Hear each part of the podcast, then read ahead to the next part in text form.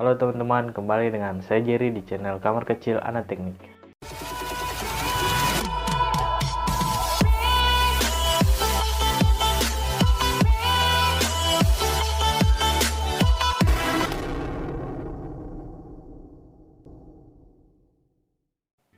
Di video kali ini saya akan membagikan eh, pengalaman saya bagi teman-teman yang akan melanjutkan studi teman-teman ke universitas atau perguruan tinggi untuk mencapai gelar strata 1 atau yang sering kita dengar S1.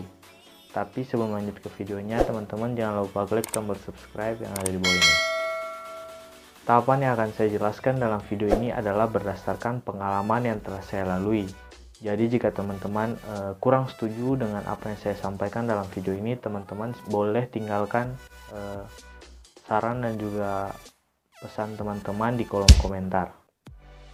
Oke, jadi setelah teman-teman e, menyelesaikan masa studi teman-teman di bangku SMA atau sederajat, teman-teman akan dihadapi dengan beberapa jenis seleksi dan juga tes untuk masuk ke universitas atau perguruan tinggi. Setelah teman-teman dinyatakan lulus menjalani seleksi dan juga tes, teman-teman akan dihadapi dengan tahapan yang namanya ospek ospek sendiri sering diberikan anggapan negatif karena eh, orang-orang beranggapan bahwa ospek merupakan sarana di mana senior akan membuli dan juga menjahili adik-adik tingkatnya. Namun di masa sekarang ini, ospek sendiri telah berganti menjadi salah satu media untuk memperkenalkan lingkungan universitas atau kampus dan juga orang-orang yang ada di dalamnya. Masa ospek sendiri berdasarkan pengalaman saya uh, akan dilakukan selama kurang lebih tiga hari.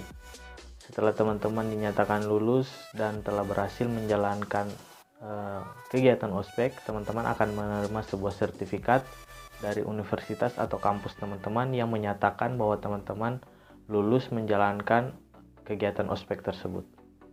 Setelah teman-teman selesai menjalankan aktivitas ospek, teman-teman akan dihadapkan dengan aktivitas perkuliahan di mana aktivitas perkuliahan ini dilakukan selama kurang lebih enam bulan, di mana lima bulannya adalah aktivitas perkuliahan seperti belajar mengajar, ujian tengah semester, dan juga ujian akhir semester.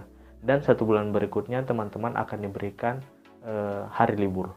Dalam setiap semester, teman-teman diwajibkan untuk membayar yuran yang telah ditetapkan oleh universitas teman-teman. Dan bagi teman-teman yang memiliki ekonomi rendah, teman-teman bisa mendaftarkan diri teman-teman untuk memperoleh beasiswa. Beasiswa tersebut diberikan bagi mahasiswa yang berprestasi dan juga mahasiswa yang kurang mampu.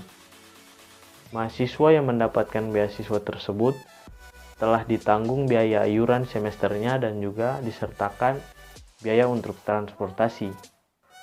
Oke, setelah teman-teman melanjutkan studi teman-teman hingga semester 6, teman-teman akan dihadapi dengan mata kuliah yang bernama PKL atau Praktek Kerja Lapangan. PKL sendiri dilakukan selama kurang lebih dua bulan di instansi-instansi mulai dari instansi pemerintahan hingga kesehatan. PKL sendiri umumnya hanya di, dihadapi oleh mahasiswa-mahasiswa yang mengambil jurusan-jurusan eksata seperti mahasiswa teknik, kedokteran, dan lain-lain. Sedangkan untuk teman-teman mahasiswa keguruan mereka akan dihadapkan dengan mata kuliah PPL 1, di mana PPL 1 sendiri merupakan suatu mata kuliah yang mewajibkan mahasiswanya untuk mengajar mata pelajaran di depan teman-teman angkatan mereka di lingkungan kampus. Untuk mendapatkan nilai daripada aktivitas di semester 6 ini, teman-teman diwajibkan untuk mengumpulkan sebuah laporan di akhir semester 6.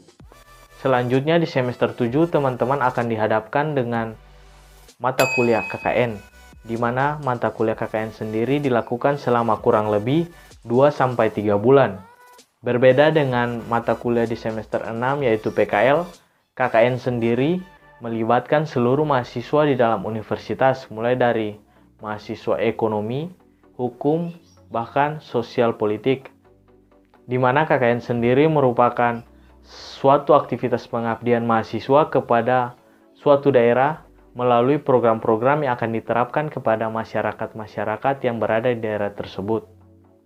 Lain halnya dengan mahasiswa keguruan, mereka akan dihadapkan dengan yang namanya PPL2. PPL2 sendiri merupakan aktivitas yang akan dijalankan oleh mahasiswa keguruan di mana mereka akan mengajar di sekolah-sekolah mulai dari SD sampai dengan SMA sederajat. Sama seperti semester 6, teman-teman juga harus mengumpulkan sebuah laporan di akhir semester 7 untuk mendapatkan nilai. Langkah berikutnya, teman-teman akan menghadapi masa studi yang namanya proposal penelitian, di mana proposal penelitian sendiri merupakan salah satu batu loncatan untuk mendapatkan persetujuan untuk melanjutkan ke tahapan skripsi atau penelitian. Setelah hasil proposal penelitian teman-teman dinyatakan lulus, teman-teman akan masuk ke masa studi yang namanya skripsi. Dan apabila skripsi teman-teman dinyatakan lulus, maka teman-teman telah resmi menjadi sarjana daripada universitas di mana teman-teman e, menjalankan masa studi teman-teman. Sebagai catatan, eh, teman-teman juga mampu menyelesaikan studi teman-teman ini dengan lebih cepat apabila teman-teman giat dan juga tidak bermalas-malasan. Sekian dulu video saya hari ini. Bila teman-teman merasa video ini bermanfaat, jangan lupa like, komen, share, dan juga subscribe. Amatuh!